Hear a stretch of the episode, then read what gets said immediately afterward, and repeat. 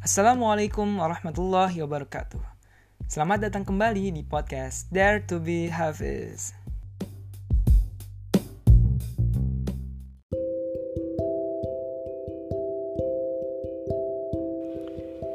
Sesi tilawah ke-8 Pada kesempatan kali ini, insya Allah akan dibacakan Quran Surah Al-Baqarah ayat 49 sampai 57 atau kalau di Quran itu halaman yang ke-8 yuk segera ambil mushafnya dan kita ngaji bareng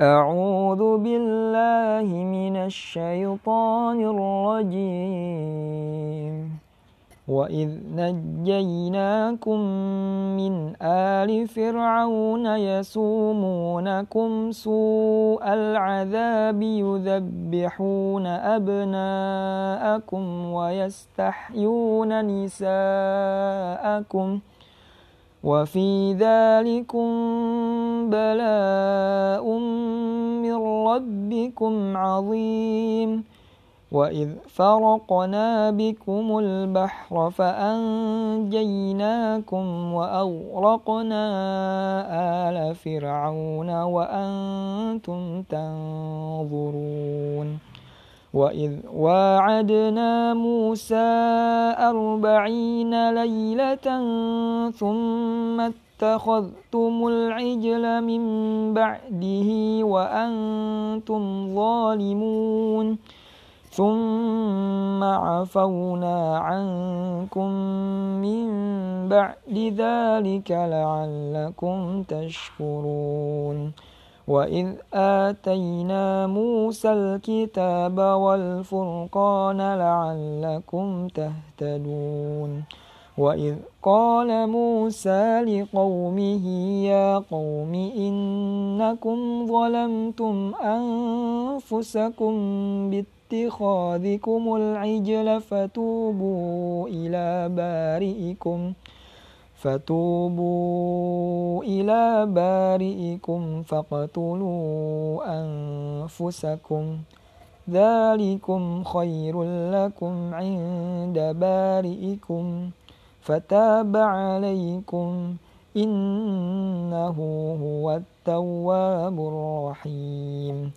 وإذ قلتم يا موسى لن نؤمن لك حتى نرى الله جهرة فأخذتكم الصاعقة وأنتم تنظرون ثم بعثناكم من بعد موتكم لعلكم تشكرون وظللنا عليكم الغمام وأنزلنا عليكم المن والسلوى كلوا من طيبات ما رزقناكم وما ظلمونا ولكن كانوا أنفسهم يظلمون Aku berlindung kepada Allah dari godaan syaitan yang terkutuk.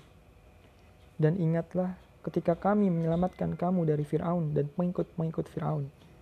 Mereka menimpakan siksaan yang sangat berat kepadamu. Mereka menyembelih anak-anak laki-lakimu dan membiarkan hidup anak-anak perempuanmu. Dan pada yang demikian itu merupakan cobaan yang besar dari Tuhanmu. Dan ingatlah ketika kami membelah laut untukmu, sehingga kamu dapat kami selamatkan. Dan kami tenggelamkan Fir'aun dan pengikut-pengikut Fir'aun, sedang kamu menyaksikan. Dan ingatlah ketika kami menjanjikan kepada Musa 40 malam. Kemudian kamu Bani Israel menjadikan patung anak sapi sebagai sembahan setelah kepergiannya. Dan kamu menjadi orang yang zolim. Kemudian kami maafkan kamu setelah itu, agar kamu bersyukur. Dan ingatlah, ketika kami memberikan kepada Musa kitab dan Furqan agar kamu memperoleh petunjuk.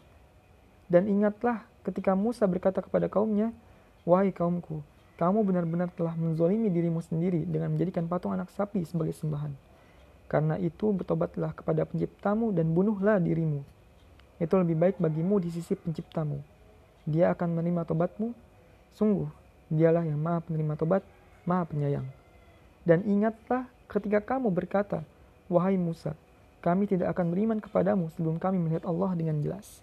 Maka halilintar menyambarmu, sedang kamu menyaksikan. Kemudian Kami membangkitkan kamu setelah kamu mati, agar kamu bersyukur. Dan kami menaungi kamu dengan awan, dan kami menurunkan kepadamu man dan salwa. Makanlah makanan yang baik-baik dari rezeki yang telah kami berikan kepadamu. Mereka tidak mendolimi kami, tidak, tetapi justru merekalah yang mendolimi diri sendiri.